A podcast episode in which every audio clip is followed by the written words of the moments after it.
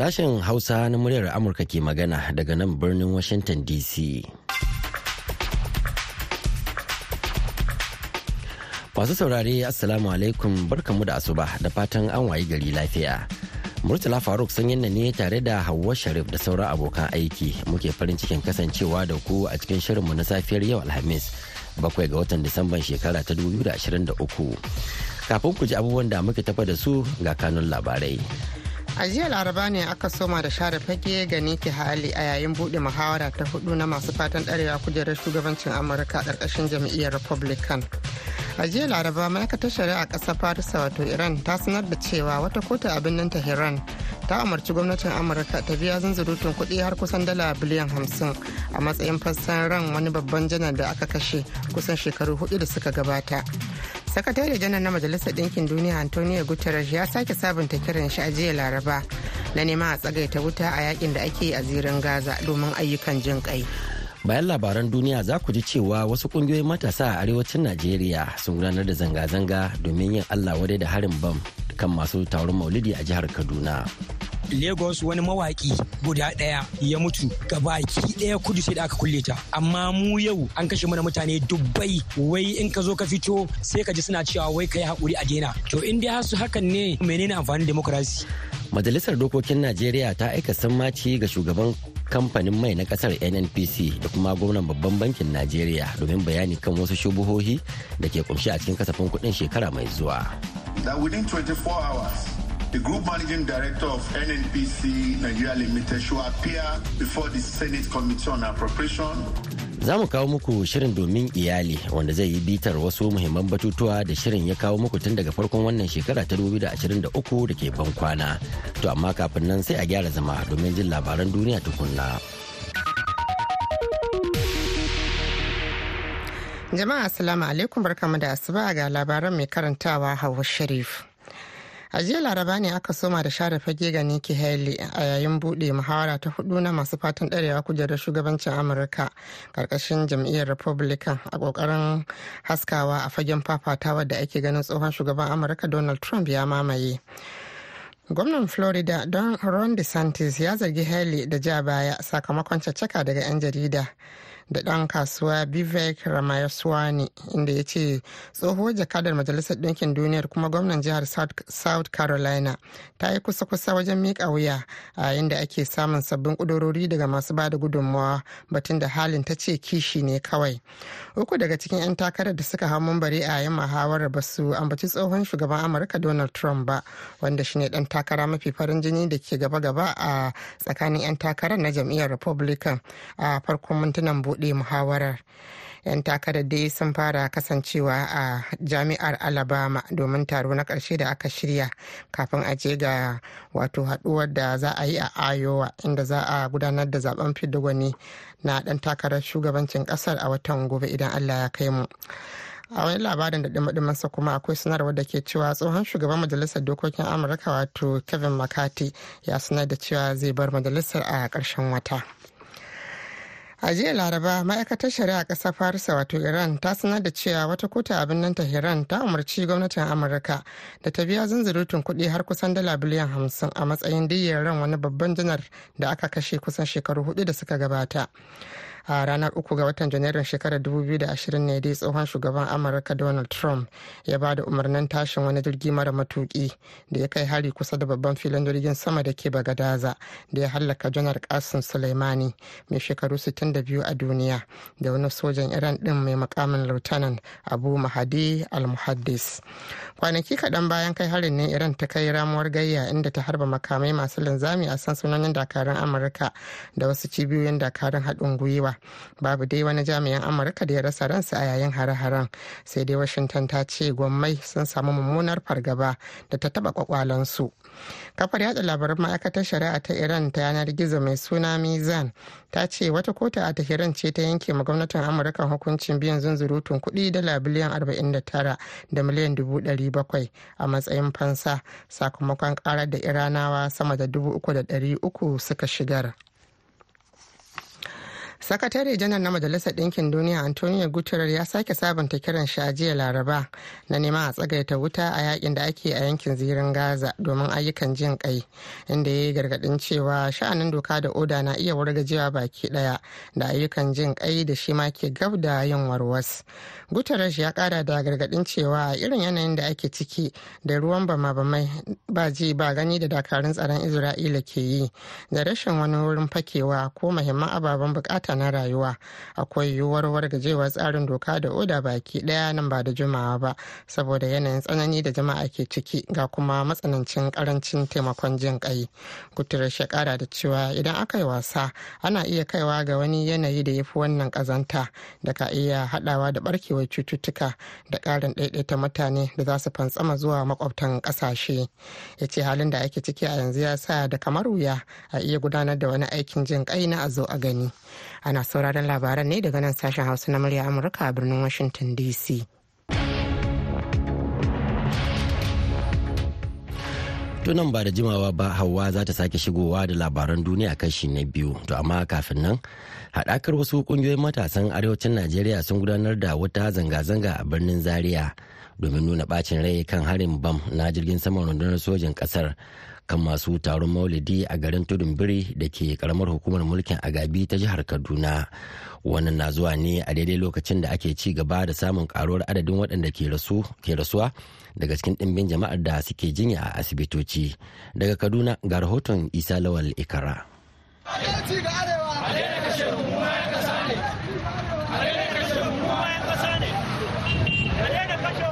Matasa daga sassa daban-daban na arewacin najeriya ne dai suka zaga sassan birnin zaria a zanga-zangar bayyana damuwa game da harin jirgin sojan najeriya da ya sanadin salwantar rayukan wasu mahalarta taron mauludi da dama a garin tudun birin karamar hukumar igabin jihar kaduna.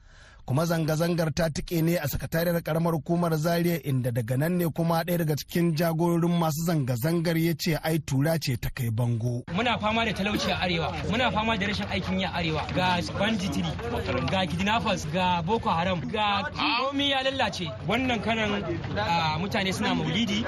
Sojojin najeriya sun jefa musu bom ya kashe mutane da yawa. Mutanen da aka kashe an je za a tattara sauran an ƙara jefa musu wani.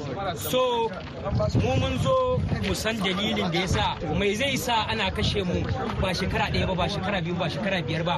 Amma har yanzu ba raguwa yake ba yana karuwa ne. Dalilin haka matasa na sassa daban-daban na arewa suka ce ba su yadda ba. Dole a fito a kare mu kare haƙƙin mataimakin shugaban karamar hukumar zaria alhaji idris yusuf idris shine ya saurari koken waɗannan matasa.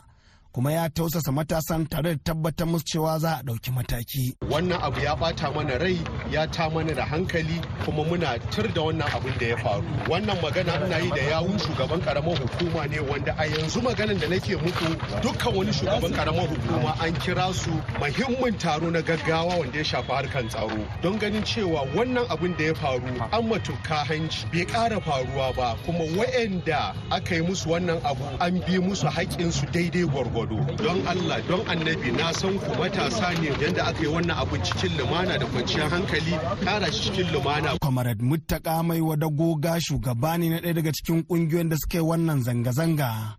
Kuma ya ce har yanzu dai akwai sauran damuwa. Gaskiya ba zai tsaya ba har sai wannan kashe-kashe da ake ma 'yan mutanen arewa kamar kiyashi ya tsaya. An yi wannan abubuwan ya faru a wurare da ɗan dama kuma haka ake cewa kuskure ne ba a ɗau mataki ba. Zan kawo wani misali guda ɗaya a Lagos wani mawaki guda ɗaya ana ce mishi Mobad mistakenly ya mutu gabaki ɗaya kudu sai da aka kulle ta. Amma mu yau an kashe mana mutane dubbai wai in ka zo ka fito da just cardboard paper kana nuna cewa kai baka yarda da wannan abin ba sai ka ji suna cewa wai kai haƙuri a daina. To in dai har su hakan ne menene amfanin demokrasi? Shi ma dai da yake tsohon dan gwagwarmaya ne tsohon dan masarjan tarayyar Nigerian shi a tabin jihar Kaduna sanata Shehu Sani ya ce matuƙar dai ba a yi wa tukka hanci akan irin wannan ibtila'i ba.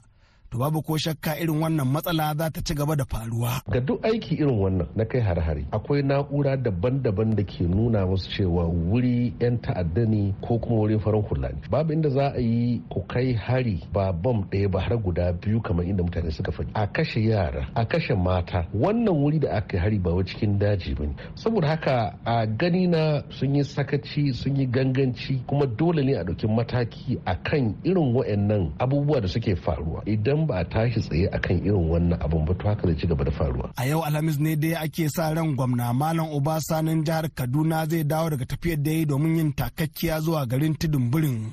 tare da mataimakin shugaban kasa sanata kashim shatiman da aka ce suna son ganewa idan su irin halin da al'ummar ke ciki isa lawal ikara muryar amurka daga kaduna a najeriya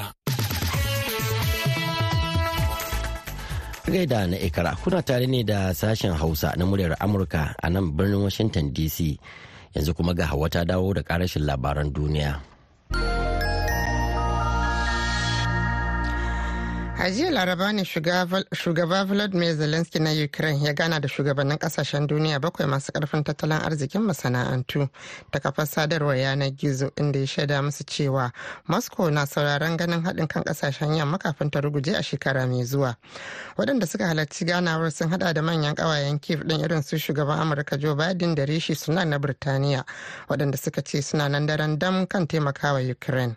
Jaddadawar shugabannin ta zo a daidai lokacin da ake fargaba gabar zanzarewar tallafin ƙasashen yamma ga ƙasar ta ukraine ganin cewa kif din ba ta samu wani ci gaban a zo a gani ba a fagen daga. Cikin wata sanarwa da suka fitar bayan kammala taron shugabannin ƙasashen bakwai masu ƙarfin tattalin arzikin masana'antu sun bayyana shan alwashin taimakawa ɗaya wuce da demokuraɗiyyar ukraine.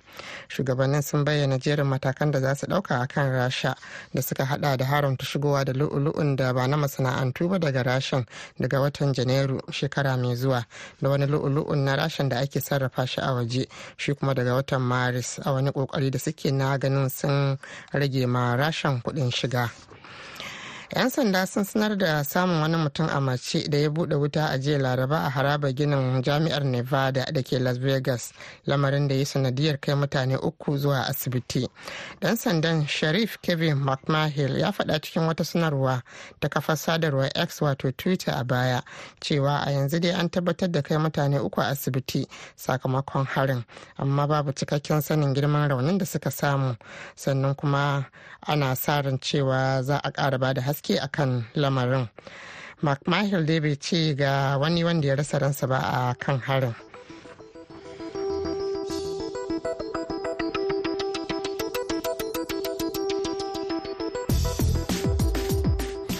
Hawa Sharif kenan kuka saurara da labaran duniya daga nan sashen Hausa na muryar Amurka a Washington DC.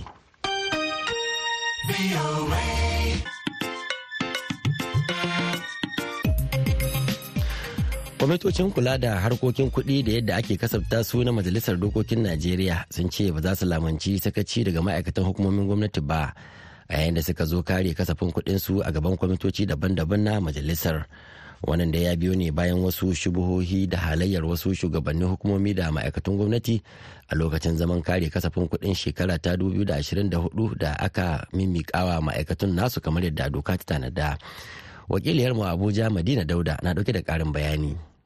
Shugaban kwamitin kula da kasafin kuɗi a majalisar dattawa, Solomon Adeola Olamilekan ya koka kan yadda wasu shugabannin hukumomin gwamnati ke kin bayyana a gaban kwamiti domin kare kasafin kuɗin ma'aikatunsu. Olamilekan ya ce batun rabon kuɗi domin yi wa jama'a aiki muhimmin lamari ne a tsarin dimokuraɗiyya. Saboda haka yana kira ga shugaban kamfanin man fetur mai zaman kansa na ƙasa, Mele Kolo Kyari, da ya bayyana a gaban kwamitin a yau Alhamis. We are directing that within 24 hours, the Group Managing Director of NNPC Nigeria Limited should appear before the Senate Committee on Appropriation Lamilekon ya ce akwai wasu batutuwa na kuɗi har naira tiriliyan goma sha ɗaya da Mele Kolo Kyari zai bayani a kansu. A lokacin da yake jawabi kan muhimmancin sauraron ba'asi da bayanan masu ruwa da tsaki kan kasafin kuɗin, Sanata mai wakiltar jihar Neja ta Gabas kuma shugaban kwamitin kuɗi a majalisar dattawa Muhammad Sani Musa ya ƙarin haske cewa. An kira duka jami'o'in gwamnati su zo su ji irin bayanin da ake ciki akan wannan kasafi saboda kowa ya mika kansa. A zo a zauna a yi nazari a gama da wuri saboda a samu kasafin kuɗi a samu a gabatar da shi ga majalisa a gama kaiwa shugaban ƙasa ya sa hannu saboda a fara. Muna neman mu kawo hanya ɗaya wadda yake idan aka bi ta wannan hanyar kai in kana cikin masu kula da wannan abu za ka danna botin ne kurun zai nuna maka nawa aka samu nawa aka ansa daga ina ne daga ina aka kai yaushe aka ansa duk zai nuna maka wannan. To abin da muke so mu yi kenan. Kaga aka yi haka bayan da za ka yi ka tara kuɗin gwamnati ka zuba a jihunka kamar kuɗin ka bai yiwuwa. amma ga shugaban jam'iyyar sdp ta ƙasa shehu musa gaban ya ce akwai abin dubawa a wannan kasafin kuɗin. mun ba majalisa shawara cewa su dubi wannan budget din su gyara ta ya zamanto cewa budget ɗin nan zai ma al'ummar najeriya aiki mun ba da misalai yanzu in kana nan abuja kana neman plumber wani abu ya ɓaci a gidanka ko za a ga sai ka yi ta nema da wuya ka samu saboda ba za ka samu wanda ya san kan aiki ba. Sai dai ka nemo wani ya zo ma ya bata maka gida. Babu su. Mun ga budget ɗin nan bai dace da abin da ke gudana a najeriya a yau ba. Mun kalli kasafin da aka yi na budget din kuma kusan in ka dubi tarihin budget na najeriya yawancin budget din ana yin shi domin mutane ne kawai da ke gwamnati ba don al'umma da ke kasa ba. Shi yasa duk shekarun da ake budget ba za ka gani a kasa inda rayuwar al'umma suka canza ba. A ɓangaren majalisar wakilai kuma kwamiti ne ya ba da umarnin a kamo gwamnan babban bankin Najeriya Olayemi Kadoso da kanta janar na ƙasa Madam Oluwatoyin Madenyi da wasu manyan mutane goma sha bakwai. Kwamitin ya nuna rashin gamsuwarsa da ƙin halartar zaman sauraron ba'asi da suka yi. Madina Dauda, muryar Amurka daga Abuja, Najeriya. A gaida Madina Dauda, kada a manta wannan shirin na zuwa muku ne daga nan birnin Washington DC akan mitoci 16, 25 da kuma 31. A jamhuriyar Nijar kuma za a iya sauraron mu a tashar mu VOA Africa akan mita 200.5. Baya ga haka a koda yaushe ake so za a iya ziyartar shafukanmu na intanet a voahausa.com ko kuma sashen hausa.com. Yanzu kuma ga shirinmu na gaba. Ya Allah ya Allah na. Allah ni kai ne na roƙa baro ki ka ka hoyi ba. Ku jama'a tambaya ni ke da, ku jama'a tambaya ni ke da. Masu sauraro Assalamu alaikum barkanmu da asuba alheri Grace Abdu ke muku fata alheri da kuma fata iyali na lafiya. Barkanmu kuma da ganin Alhamis ta hudun ƙarshe a shekara ta 2023. Ga waɗanda suke bibiyar shirin mun fara wannan shekarar ne da neman jin inda al'umma ke son ganin hukumomin ƙasarsu sun mai da hankali a muka kuma yi alkawalin haska fitila kan waɗansu daga cikin ɓangarorin idan ta kama. Tuni aka ce maganin mantuwa. Kafin sake haska fitila kan waɗannan ɓangarorin bari mu tuna muku da abin da waɗanda murya amurka ta hira da su suka shaida wa shirin domin iyali faro daga najeriya inda a farkon wannan shekarar banda matsalar tsaro da tsadar rayuwa. Abin da ya fi ɗaukar hankalin 'yan najeriya shine babban zaɓe da ake shirin gudanarwa a ƙasar a matakin jihohi da kuma gwamnatin tarayya a wancan lokacin.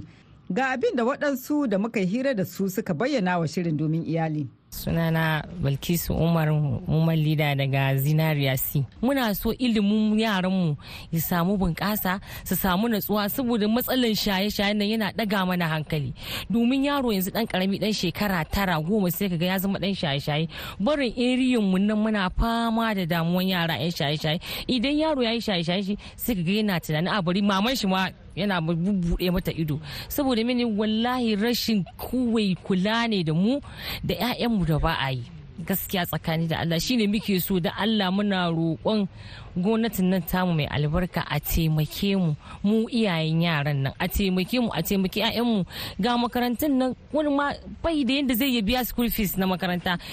Kin ga kamar ni ina yin sana'a don biya ma yara na makaranta saboda baban su bai da ƙarfi mu ba zai ce mishi dole sai ya ne ba. Zan sa shi je yi sata zan sa shi dan ce mishi in an sa wa to ni na kama sana'a ina harkoki na in yi wani kama nan in kama dan ni har na yi wankau saboda biya yara na makaranta saboda asirin mu ya rufu daga ni har mai gidan nawa. To shi ne muke so da Allah a taimake mu mu mata a taimaka mana. Shi yasa muke ƙoƙarin mu mu dan tsinduma cikin siyasan nan mu gani a dan yi da mu saboda ƴaƴan mu na gaba su samu ilimi mai albarka mu mu samu rayuwa mai amfani. Allah kuma ya shirya mana yaran mu a taimake mu da Allah. Angela Lami dabar gaskiya kowa ya san insecurity da nan a Southern Zone. Har ƙarshe ma ba ma iya samun ba'i saboda maganar insecurity na kidnappers ɗin nan sun yawa mana a Southern Zone. Ba dama ka je ka dansar da doyanka ko shinkafanka ba za ka dawo ka yi bacci ba. Amma gaskiya matasa sun karɓi wannan abin sun sa a cikin aljihunsu kamar sana'a. Ban san ko saboda rashin aikin da ba iya ba su aiki ba ne ko menene. Zaka ga yara sun gama makaranta suna da masters suna da degree amma ba aiki. Sun je sun samu abokanaye bad friends su sa su a cikin wannan halin.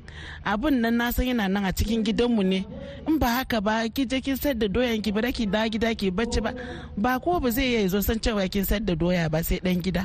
So roko na nan shine da mun samu sabon gwamnati su nema yanda za su magance a dan buɗe wayan sabuwan da da dan taimake tallan yaran nan da sun gama makaranta. Su samu abin yi ko waɗannan ababen zai dan ragu don gaskiya. Har mun kace zaka je southern zone ne za ce sai kun dawo don magana insecurity magana kidnappers ya mana yawa.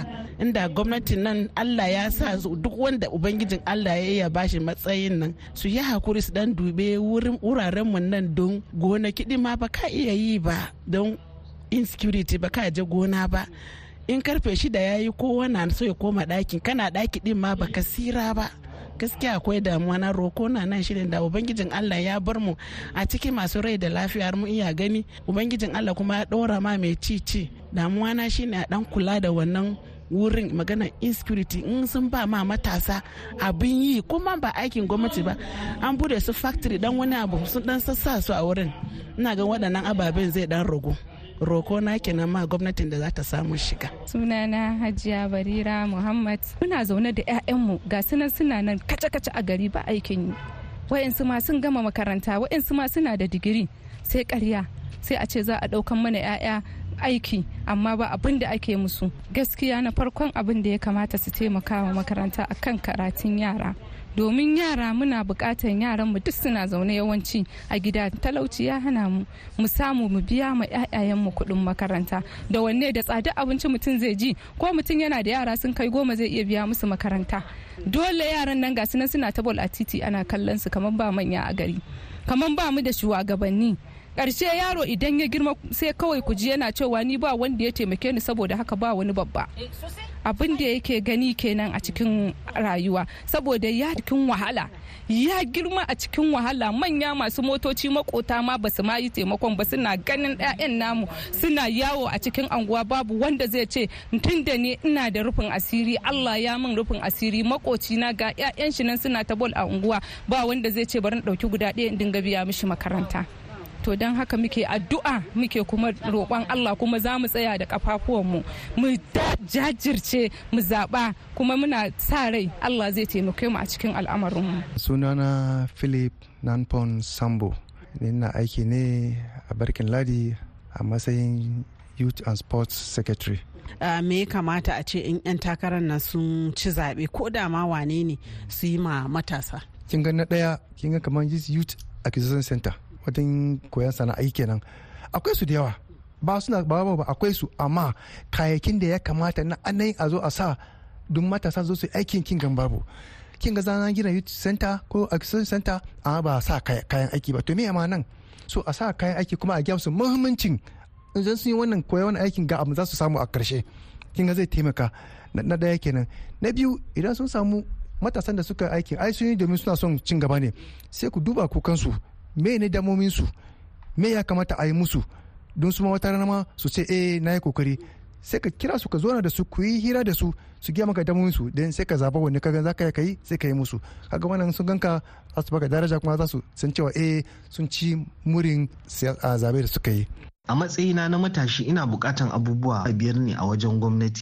Na farko shine fannin lafiya da kuma tsaro. Domin matashi ya samu tsaro zai iya samun kwanciyar hankali da zai iya nazarin neman abin da zai tafiyar da rayuwarsa ba sai ya tsaya jiran gwamnati ta bashi aiki ba. Na biyu shine tattalin arziki. Idan gwamnati za ta bunƙasa tattalin arziki ba yau a ce dala ya hau ba dala ya soka in za ta iya zona ta gyara tattalin arzikin nan a matsayina na matashi zan ji daɗin tafiyar da rayuwana. Na uku shine harkokin noma. Idan gwamnati za ta bunƙasa harkar noma domin duk ƙasar da take ciyar da kanta abubuwa zai zo mata da sauƙi. Na huɗu shine fannin ilimi. Ina so gwamnati a gyara fannin ilimi domin aka samu matasa suna da ilimi zai rage gudanar da miyagun ayyuka. Na biyar yana ƙarƙashin inganta tattalin arziki ne. A matsayina na matashi ina roƙon jami'an gwamnati da sauran 'yan siyasa su riƙa janyo mu matasa suna ɗora mu akan harkokinsu da suke yi. Kuma aiki ya fito ba wai sai a ce sai dan wane da wane ba wai sai ka ji ana ɗaukan ayyuka a sirrance ba. A dinga buɗawa. 'Ya'yan talakawa su ma su dinga samu. A matsayina na uwa gaskiya abubuwa da dama da mu iyaye muke so gwamnati da za ta iya mana. Musamman yanzu abin da ya tunkaro mu na ƙara wa karatun jami'a kuɗi wanda a gaskiya mu iyaye muna ganin mu da ba mu da ƙarfi kamar ana nuna mana cewar 'ya'yanmu fa ba za su yi karatu ba. To gaskiya wannan abu yana ci mana tuwo a ƙwarya domin muna fama ma a wannan marar da abin da zaka ci da lafiya sannan babu abin yi sannan samun yayi karanci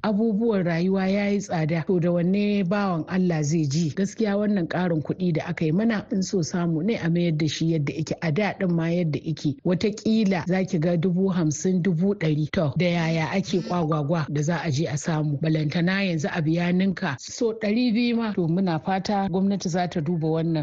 Kaɗan kenan daga cikin ɗimbin matsalolin da suka addabi al'ummar Najeriya da suke hankoran ganin shugabannin da aka zaɓa sun shawo kai.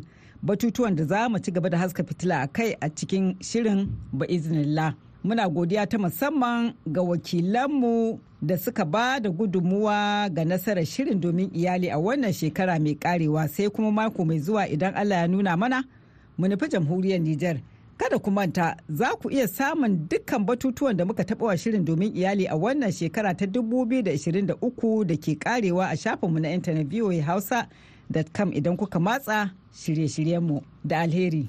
Kai mata su ne duniya, su ne daɗin duniya, mata su ne duniya, su ne sarakan duniya, komi don su muke, ashe mu To madalla a gaida Grace Alheri Abdu. To da wannan muka zo ga shirinmu na ƙarshe wato labarai amma a taƙaice.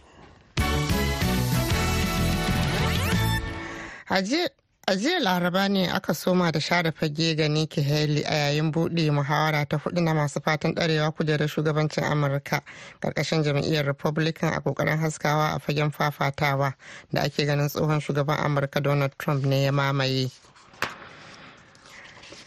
A jiya laraba ma'aikatar shari'a ƙasar farisa wato iran ta sanar da cewa wata kotu a birnin tehran ta umarci gwamnatin amurka da ta biya zanzurutun kuɗi har kusan dala biliyan hamsin a matsayin diyyar ran wani babban janar da aka kashe kusan shekaru huɗu da suka wuce.